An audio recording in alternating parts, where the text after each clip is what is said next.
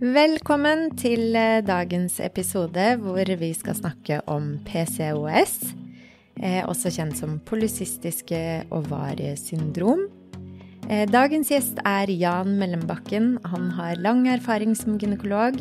En av de få i Norge faktisk som forsker på PCOS, og kan mest om temaet. I tillegg jobber han mye med bl.a. uregelmessige blødninger og infertilitet. Og jeg føler meg så heldig som får snakke med denne guruen om dette viktige temaet, som rammer eh, så mange, og gleder meg til å lære mer om det vi skal snakke om i dag, nemlig PCOS. Velkommen, Jan. Takk, takk. Og dette er jo et stort og viktig tema. Det er en tilstand som rammer mellom 10 og 15% av norske kvinner, stemmer Mm, det? Det er sant. Ja.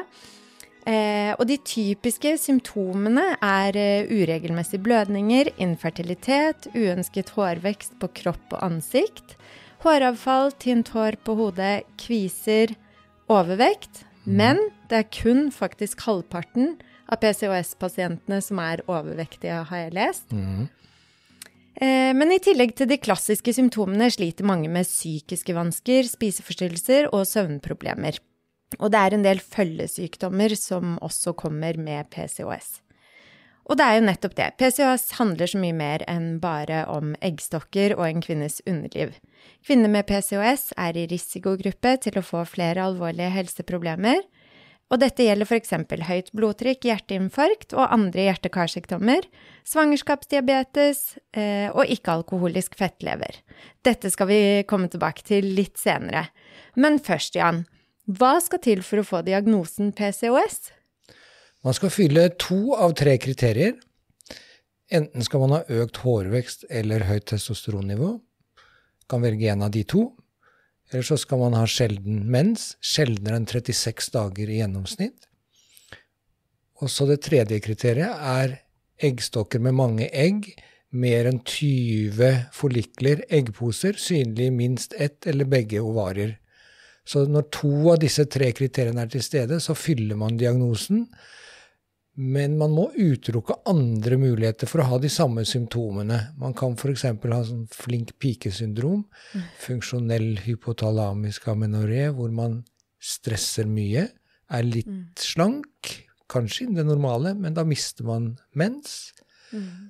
Eller den er uregelmessig, og har mange eggposer i eggstokkene. Så ser det ut som PCOS, men de har lavt testosteronnivå. Så sånn tar man ut de på sykehistorien, og at de har lavt testosteronnivå, mens de med PCOS ligger i øvre normalområde eller over. Og testosteron kan man måle på en blodprøve. Ja. Mm. Og disse cystene i eggstokkene som man måler, er det Hvordan gjør man det? Ultralyd? Ja, vaginal ultralyd. Ja. Er det en spesiell alder man eh, er utsatt Eller altså, når er det vanlig å få diagnosen PCOS? Mange utvikler det etter pubertet, men noen får det også først ved 20-årene. Ja. Og så kan f.eks. økt hårvekst utvikle seg mer og mer, sånn at det, år for år så blir det litt mer hår. Som frem til de er 30 år, f.eks., så kan de fortelle det at dette, det blir mer og mer hele tiden. Gjelder det også med overvekt, for eksempel? For overvekt er en, eh, en faktor som er ganske vanlig hos de med PCOS. Ja, det er en klassiker. Mm. Mange vil fortelle at det er veldig lett å legge på seg, Mm. og veldig vanskelig å slanke seg. Og hvis de prøver sammen med mannen å gå ned i vekt, så går han ned fem kilo, de går bare ned to kilo. Ja. Så det er veldig urettferdig fordelt. De er mer energieffektive. Det var de som overlevde sultkatastrofene i gamle dager, så, og fremdeles var fertile. Så derfor finnes det relativt mange av dem. Da, at 10-15 av den kvinnelige befolkningen har dette, er jo Det må ha vært noen fordeler med det, og det var sånn. De var fertile, selv om det ikke var god tilgang på mat. Men er de fertile, de med PCOS? Er det normal fertilitet hos de? De med PSOS får like mange barn som andre. Ja. Det er bare det at det, mange av dem må ha hjelp til å få eggløsning. For når mensene blir sjeldne, dvs. Si at det går seks-syv uker eller mer mellom mens, så blir eggløsningen borte. Det at man får mens, er ikke noen garanti for at det var en eggløsning i den syklusen. Å. Så lange sykluser gjør at det er enten ingen eggløsning eller veldig vanskelig å finne den. Men det er lett å behandle med enten med tabletter, Femar eller Letrozol, eller gi sprøyter i magen, sånn som ved prøverørsforsøk, i lav dose to-tre uker, og ha samla hjemme. Mm. Og etter det, hvis ikke det går, så er det prøverørsforsøk. Ja, så de trenger ofte litt støtte nettopp med tanke på denne eggløsningen. Som, Ja, de som har lange intervaller mellom mens, altså mer enn 36 dager i snitt, de kan trenge behandling. Men det er ikke vanskelig. De får barn like lett som andre, bare de først får eggløsningen. Og det er veldig positivt, og Ja, veldig bra mange. at du sier det. For det er jo veldig sårbart når man Ja. prøver å få barn selv, og så Ja. får man det ikke til, og så er man jo med en gang bekymret for om det skal gå i det hele tatt. Ja, så noen har hørt at du får ikke barn, eller det blir veldig vanskelig. Det er litt streng dom. De får like mange barn som andre, de trenger litt hjelp. Ja, det er bra. Men denne eggløsningen, den syns jeg var litt spennende. Hvorfor eh, man kan ha menstruasjon uten å ha hatt eggløsning? Ja. Er det spesielt for PCOS, eller Nei, for det alle gjelder alle kvinner? kvinner. Alle kvinner, selv om de har tolv menser i året, så har de kanskje elleve eggløsninger. Man har en syklus i året hvor det ikke var en eggløsning. Litt stress og mas er nok til å forandre den reguleringen som skal til for å få til en eggløsning. Og det merker man ikke. Veldig spennende. Kanskje vi må lage en egen episode om akkurat det. Ja, og hvis eggløsningen ikke skjer, så kan den follikelen, eggposen, da fortsette å vokse fra å være sånn ca. 2 cm ved eggløsning, så blir den 3, 4, 5, 6 cm, og så får man det man kaller en syste, som er ufarlig, men den kan tulle litt med syklus, da. Og så plutselig da kan man få litt vondt når den sprekker, men behøver ikke. Og er det farlig når den Nei. sprekker? Nei, men det kan gi akutte smerter. Noen får forferdelige smerter.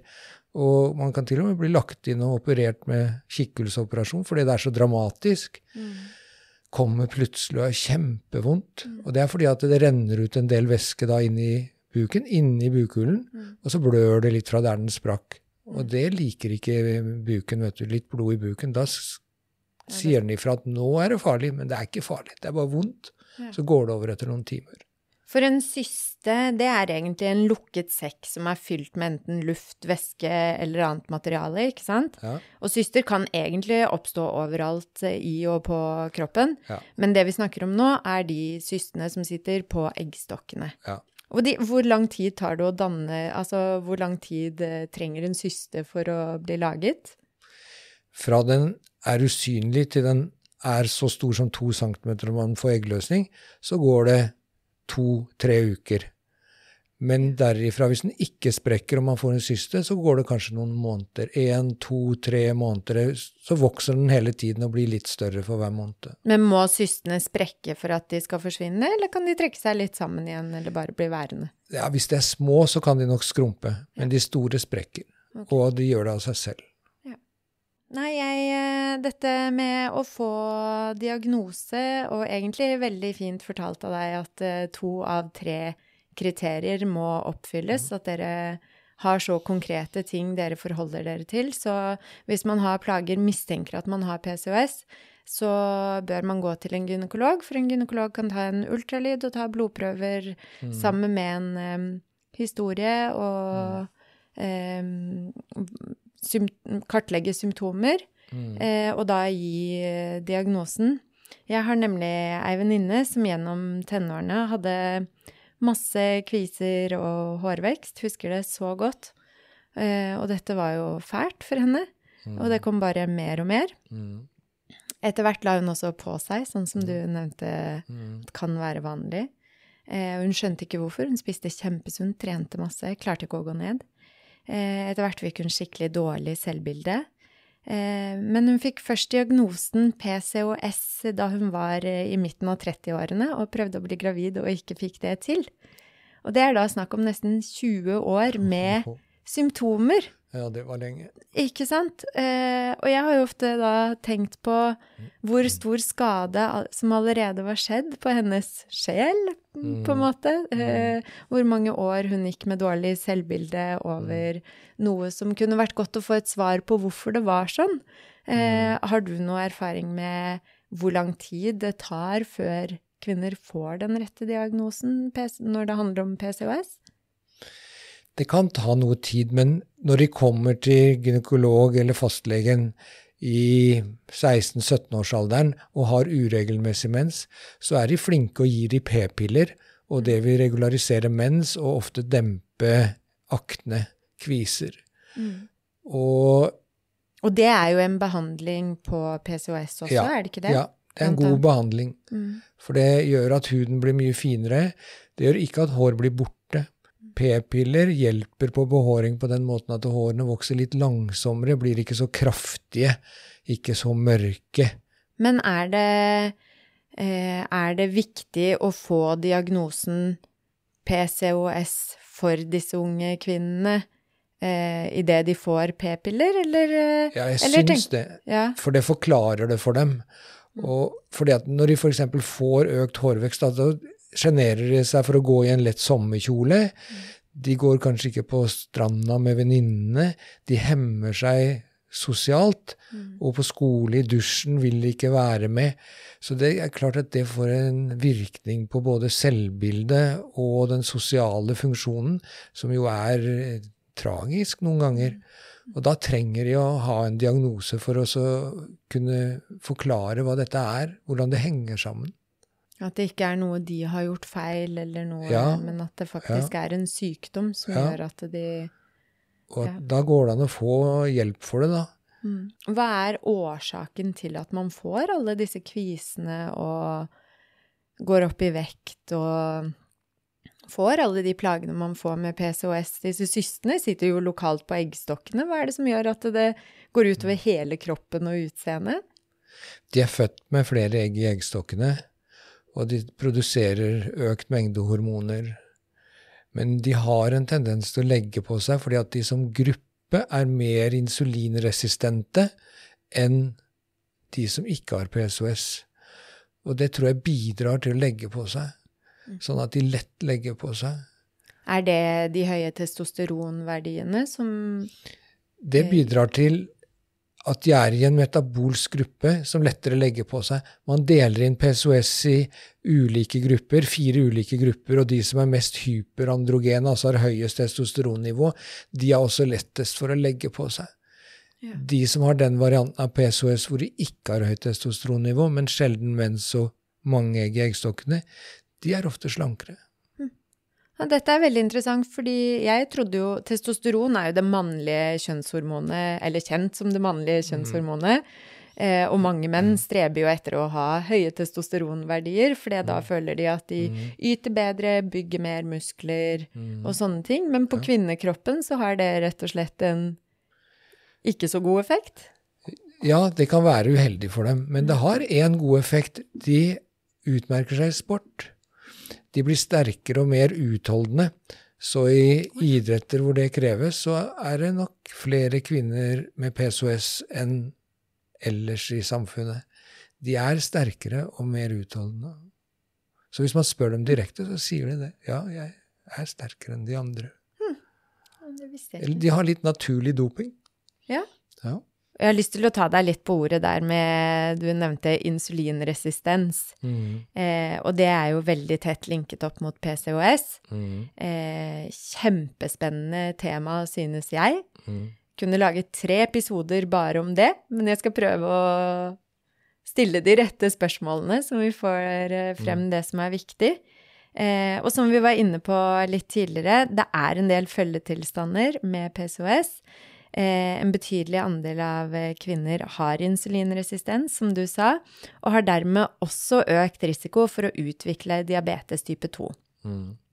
Insulinresistens, for de som ikke vet det, er en situasjon der den blodsukkersenkende effekten av insulin, mm. som produseres i bukspyttkjertelen vår, eh, er redusert til under det normale, mm. og dermed går man rundt med høyere blodsukker mm. over tid. Mm. Og det er mye mer man kan si om insulinresistens, men jeg tror jeg mm. skal la det ligge der, så får vi mm. lage en egen episode om akkurat det. Mm. Eh, og dette gjelder spesielt overvektige PCOS-pasienter, ikke sant? Eller gjelder det også de slanke PCOS-pasientene? De slanke er som gruppe mer insulinresistente enn normale kontroller med samme vekt.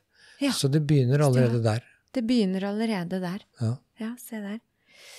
Em, og det som er litt uh, fra et sånt allmennlegeperspektiv, hvor jeg sitter, så syns jeg jo det er veldig spennende, fordi anbefalingen fra Norsk gynekologisk forening er at uh, alle med PCOS bør screenes for diabetes type 2 med sånn langtidsblodsukkermåling Mm. ved diagnosetidspunkt, altså når de får diagnosen PCOS, og deretter kontroll hvert ja, ett til tre år, eller noe sånt. Ehm, og det samme gjelder hjerte-karsykdom og kartlegging med kolesterol og blodtrykkskontroller. Det kan vi snakke om litt mer etterpå. Men eh, langtidsblodsukker, eh, hva er det egentlig, Jan? Det er en god indikator på om man har prediabetes eller diabetes, og så kan man følge utviklingen og behandlingen dersom man har prediabetes eller diabetes. Det er en blodprøve. Det er en blodprøve, Mm. og man får raskt svar. Du har jo forsket litt på temaet. Ja, Hva, Vi- hva forsker du på? vi gjør en studie akkurat nå hvor vi analyserer over 500 kvinner som har gjort glukosebelastning, men også målt HbA1c, altså det lange tidsblodsukkeret, og fastende glukose. Altså over 500 pasienter med PSOS. Mm. Og da lurte vi på er det nødvendig at de gjør glukosebelastning. Og da, For glukosebelastning, bare for de som ikke vet hva det er, hva er det? da møter man fastende en morgen og får målt fastende glukose. Så blir man gitt 75 gram sukker å drikke på fem minutter. Mm, Og så Hørtes deilig ut. Ja, noen syns det er ganske klissete. Og man blir, noen blir uvel av det. Kan jeg skjønne. men det skal ned på fem minutter. Og så må man sitte der i to timer. Man kan ikke løpe rundt, for det skal ikke brukes til noe annet enn å metaboliseres. Man skal se hvordan kroppen klarer den belastningen, sukkerbelastningen. tar man ny blodprøve etter 120 minutter sharp. For å se hvordan metaboliserte man sukkeret. Og så ser man da hva verdiene er, og om det er normalt, eller prediabetes, eller diabetes type 2. Ja. For som med alt annet så er det gråsoner, at man, eh, man Ja. har forstadier til diabetes og en etablert diabetes. Og hva er tendensen i forskningen? Kan jeg spørre om det så langt? Den viser at vi finner akkurat de samme kvinnene ved å måle langtidsblodsukker og fastende glukose som vi gjør ved å gjøre glukosebelastning. Så Fordel å Ja. slippe å drikke masse sukker på tom mage. konklusjonen blir nok at det, det er like godt å gjøre den lette undersøkelsen med fastende glukose og langtidsblodsukker som å gjøre full glukosebelastning. Og dette er jo veldig spennende og veldig bra at eh, det forskes mer på kvinnehelse. Det heier vi jo veldig på. Så vi gleder oss til eh, det er etablert i retningslinjene, og til vi kan følge de anbefalingene. Så bare for å oppsummere behandling for PCOS. Eh, Du nevnte at p-piller er en god behandling for å få kontroll på blødninger og regulere både, egentlig både hårvekst og kviser. Em, og så nevnte du litt kremer man kan få for å hjelpe på kviser Ja, og behåring. og behåring. Ja. Vannika. Ja, og så er det dette forhøyede langtidsblodsukkeret og eventuelt en diabetestilstand som mm. behandles med Den beste behandlingen er å gå ned i vekt. Men det er jo så krevende. Og de fleste som går ned i vekt, går jo opp igjen. Men det er det aller beste, for da kan diabetes normaliseres. For mange, hvis det ikke går an å gå ned i vekt, så er det første man begynner med, er metformin. Fordi at det bedrer insulinresistens. Og det er ikke en slankemedisin i seg selv, men noen går ned i vekt på det. Men hvis man ikke lykkes da, så har det nå kommet flere gode slankemedisiner, og det kommer flere. Så det har vi begynt å gi til pasienter som er overvektige og strever med å gå ned i vekt, med eller uten diabetes. Åh, så bra. Ja. For det å prøve å gå ned i vekt og ikke få det til, er vel kanskje en gjenganger av de PCOS-pasientene jeg har fulgt opp, i alle fall. At Ja. de føler at de gjør Og de spiser jo virkelig nesten ingenting. Ja, jeg, jeg tror det er sant. De sier det, at de spiser nesten ikke noe, og likevel så er de da stabile i vekt, eller øker hvis de skeier ut lite grann. Er det metabolismen som har gått eh, Som er så lav at de Ja, det er, det er noen som spiser under 1500 kalorier om dagen, ned mot 1000, og likevel er stabil i vekt, og ikke går ned i vekt på det. Og det gjør jo noe med livskvaliteten og man skal fokusere, og man skal levere på jobb og på Ja, ja. hjemmebane. Det blir ikke så lett det med kaloriunderskudd hele veien. Nei, de gleder seg til den ene brødskiven ved lunsj. Spiser ikke frokost, én brødskive ved lunsj, og så middag. Og de er virkelig standhaftige. Så det er utrolige fortellinger noen ganger. Ja. De lyver ikke. Det er sant, det de Ja. sier. Det, man får den samme fortellingen fra veldig mange pasienter. Ja, det er det man gjør, og det jeg opplever, og som bare Ja, jeg bare kjenner eh, skikkelig um, sorg rundt, er at disse kvinnene ofte sier at de ikke blir trodd. Mm. At de ofte blir stemplet som overvektige fordi de ikke blir trodd på at de gjør Ja. de rette livsstilsendringene, eller fordi de eh, Ja. Ja, nei, man må ta dem på alvor og hjelpe dem med det som er problemet deres. PCOS er jo et syndrom, så det er mange fasetter. Det ene er det hormonelle med økt hårvekst og sjelden mens, og så er det hjerte-karsykdom og det metabolske og det med angst, depresjon. Så man må gå etter det som er hovedproblemet, og behandle det eller de symptomene de sliter med. Og la oss snakke litt mer om akkurat det, for alle disse tingene rundt er nok det som er litt mindre kjent for folk når man snakker om PCOS. Jeg snakket med en eh, Samboeren min er lege, han også. Jeg har ikke jobbet som lege på noen år, men jeg spurte han i går eh, hva husker du om PCOS fra studiet, og det er da over 15 år siden vi var ferdig utdannet. Mm. Og det han husker, er eh, typisk eh, overvekst, økt behåring Mm. eh, og sjeldne menstruasjoner. Ja, det var hovedtingene, det. Det er hovedtingene, men det er så mye mer, Ja. ikke sant? Sånn som du nevner. Mm. Eh, og dette med psykiske plager eh, er jo også veldig tett på Mm. mange med PCOS. Har vi noen forklaring på hvorfor det er sånn? Nei. Man tenker seg at det er korrelert med syndromet, men man vet ikke hva faktorene er.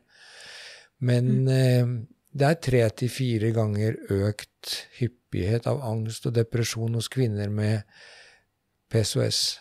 Så det kan ligge genetisk. Man har påvist sånn ca. 14-15 gener som disponerer for PSOS, så det kan ligge i det. Og så kan det ligge i det at de stigmatiseres når de jo får nedsatt selvbilde ved økt vekt og uønsket behåring, f.eks. Mm. Mm. Er. Spiseforstyrrelser er vel også ganske vanlig blant eh, PCOS-kvinner, muligens av samme grunn, da. Ja, noen vil jo streve med å, å gå ned i vekt, men det er ikke et typisk bilde at Nei. de har eh, spiseforstyrrelser. Nei. Nei. Eh, Men det som er eh, klassisk for eh, de med PCOS eh, og em, følgetilstander, som man kanskje ikke vet om, er eh, blant annet eh, endometriekancer, eller eh, mm. livmorkreft, ikke sant? Ja. Er det noe spesielle følg... Altså følger man opp disse pasientene på en måte? Hva skal de følge med på, de som har PCOS, for å fange eventuell utvikling av det? Man skal ha mens når man er kvinne, fordi at eh, østrogen stimulerer slimhinnen. Og hvis det foregår en ensidig stimulering over mange år, kanskje 10-15 år, uten å ha menser, da stimuleres den slimhinnen og kan omdannes til å bli kreft. Så det er kjent at kvinner med PSOS kan ha økt tendens, men det er god behandling. altså selv unge jenter som kommer til legen og har sjelden mens, får p-piller, og da har de ikke økt risiko. Men er- oppmuntres da disse kvinnene til å hoppe over menstruasjonen? Behøver ikke det. Nei. Det er mer ved endometriose Ja. at man oppfordrer til å hoppe over mens. ja. Og er det farlig å hoppe over menstruasjon? Nei, det er ikke farlig. Det, det ikke mange år engang? Nei, det oppfordrer man til ved endometriose. Å hoppe over mens for å slippe unna smertene. Ja. Og det vet man at det ikke har noe Ja, ja. Kvinner som f.eks. får hormonspiral, de fleste av de vil jo ikke ha mens Nei, for de fem årene den spiralen eventuelt sitter inne. ikke sant. Andre følgetilstander er jo det som er kalt eh, OSA, eller obstruktiv søvnapné. Mm. Eh, og det er da pustestopp, egentlig, på Mm. natten. Ja. Eh, er dette noe som bare følger de For det er jo også tett linket eh, opp mot overvekt. Ja. Det stemmer. Fordi at det blir trangere i halsen for å puste fritt. Og da får man søvnapnø, og det er jo igjen relatert til hjerte-karsykdom, da. Ikke sant? Og det er den neste, den neste følgetilstanden, som om ikke vi allerede har nevnt nok. Ja, det er på en måte sånn at alt blir verre ved økende overvekt. Men når vi, nå har vi snakket litt om eh, overvekt, og vi har snakket litt om at eh, kvinner prøver å begrense kaloriinntaket. Vi beveger oss pent mot ernæring, Ja, ja, som er et veldig spennende tema ja. innenfor PCOS. Mm. Eh, for eh, det med ernæring som behandling, Mhm. Eh, hva kan du fortelle om det? Hvis man går inn på amazon.com og ser på PCOS og bøkene, så får man fort opp 30 bøker med The PCOS Diet. Og det er ok, man kan godt følge en diett, men den beste dietten fins ikke. Det fins ikke én diett som gjør at nå blir det bedre. Poenget er bare å gå ned i vekt, og det er samme hvilken diett man følger, bare man går ned i vekt og spiser sunt. Så det står i guidelinene for PCOS at det fins ikke én spesiell PCOS-diett. Det er veldig poppis å snakke om sånn uh, ultraprosessert og prosessert mat, og Ja, mat ja. som lager inflammasjon og Ja, ja, men det er jo sant. Ja, har det en plass her? Ikke spesielt for PSOS, men jeg tenker at det, det kan være en ekstra fordel for de, for de, fordi PCOS er også en inflammatorisk tilstand. De har nemlig, det var bra du sa, de har nemlig økt inflammasjon i sin kropp. Hele tiden er de litt mer inflammatoriske. Så det da å spise mat som er usunn, kan man tenke seg da er det litt mer uheldig for de. De vil ha litt mer fordel av å spise kortreist mat. Ikke sant? For det er Ja. det vi snakker om. Ren mat. Ja, Mat som er antiinflamatorisk, Ja. er ren mat. Ja. Det er eh, fiberrik mat, det er grønnsaker, det er fet fisk. ja, Eh, mandler, for eksempel. Spinat. ja. Sånne type ting. Ja, det er jeg veldig enig i. Så jeg tenker det er en mid For de med hjerte-karsykdommer så anbefales en middelhavsdiett. Og det syns jeg ville være veldig fornuftig for pasienter med PCOS også. Mye frukt og grønnsaker og fiber og fisk. Og det de bør unngå da, i forlengelsen av dette, Mm. eh, er jo da ultraprosessert mat, eh, Mm. som er eh, Alt Ja. med fem, mer enn fem tilsetningsstoffer. ja. ja. Man bør eh, drikke vann. Mm. Juice som man kjøper i butikken, det er ikke juice, det er kokt sukkervann. Ja, Så man må kjøpe ekte jus hvis man skal ha jus. Det er Det er vist, så at, bra at du sier det. Ja. det er vist at jus fremmer ikke helse. De som drikker mye jus, de er ikke noe sunnere. De lever ikke noe lengre, de har ikke noe mindre sykdom. Så da må man kjøpe ekte vare i tilfelle. Og det er ikke det som står i den vanlige, store hyllen på butikken. Eller eh, ferskpresset appelsiner Ja, som ja, man lager selv ja. hjemme, eller smoothie eller sånne ting. Ja. Dette er jeg så glad for at du sier, for det er det første jeg plukker bort fra Ja, eh, matlista til uh, de Mhm. pasientene som kommer til meg og ønsker hjelp til uh, ja, ernæring og livsstilsendring osv. Plukker alltid bort jusen først. ja, Det tror man jo er så sunt. Jeg Ja. drikker eple, jeg. ja. Men det gjør man ikke. Man drikker sukkervann. Ja. ja, helt riktig. Du hadde et spørsmål? Men er PCOS farlig? Det hørtes jo ikke ut som at det var så veldig Bortsett fra at det var litt akutt vondt innimellom.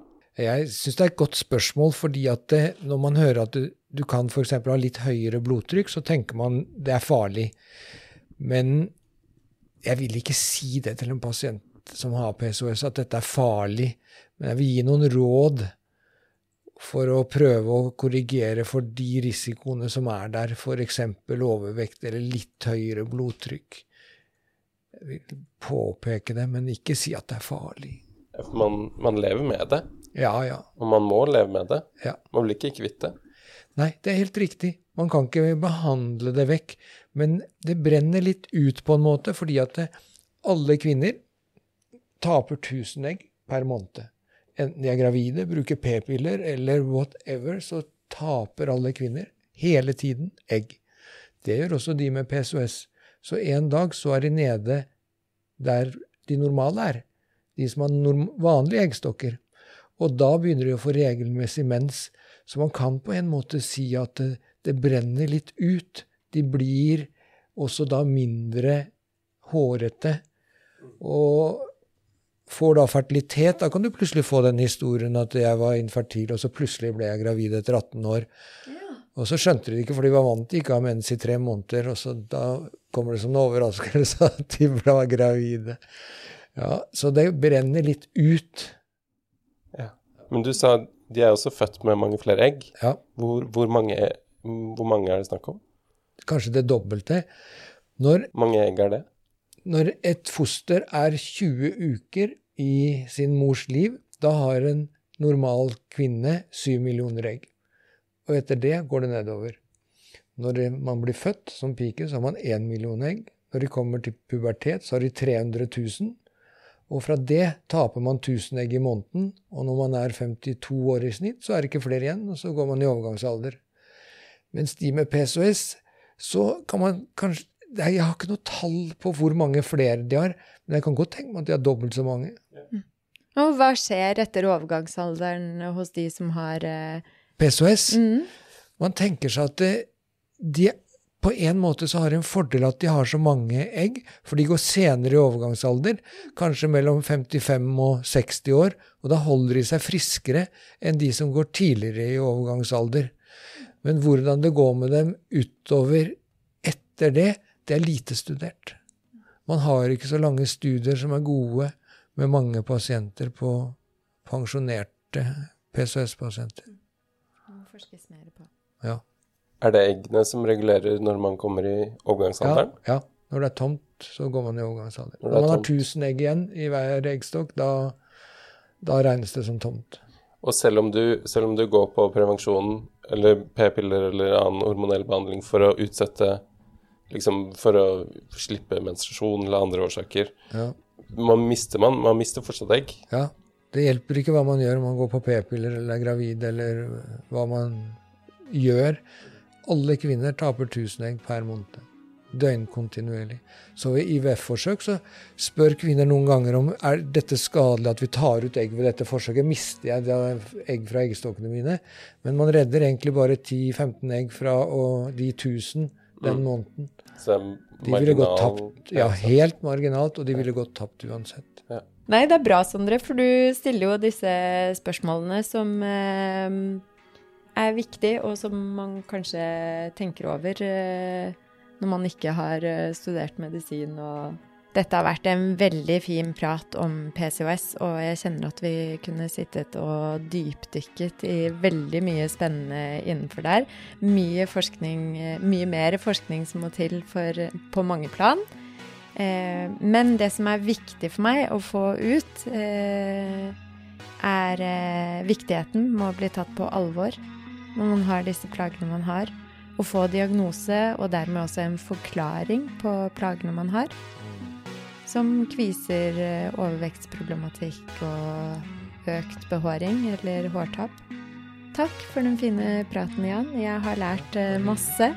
Håper dere der ute også har lært masse, og del gjerne episoden med noen som kunne trengt å vite det vi har snakket om. Ha det bra. Takk for i dag. Ha det. Ha det. Ha det. Ha det fint.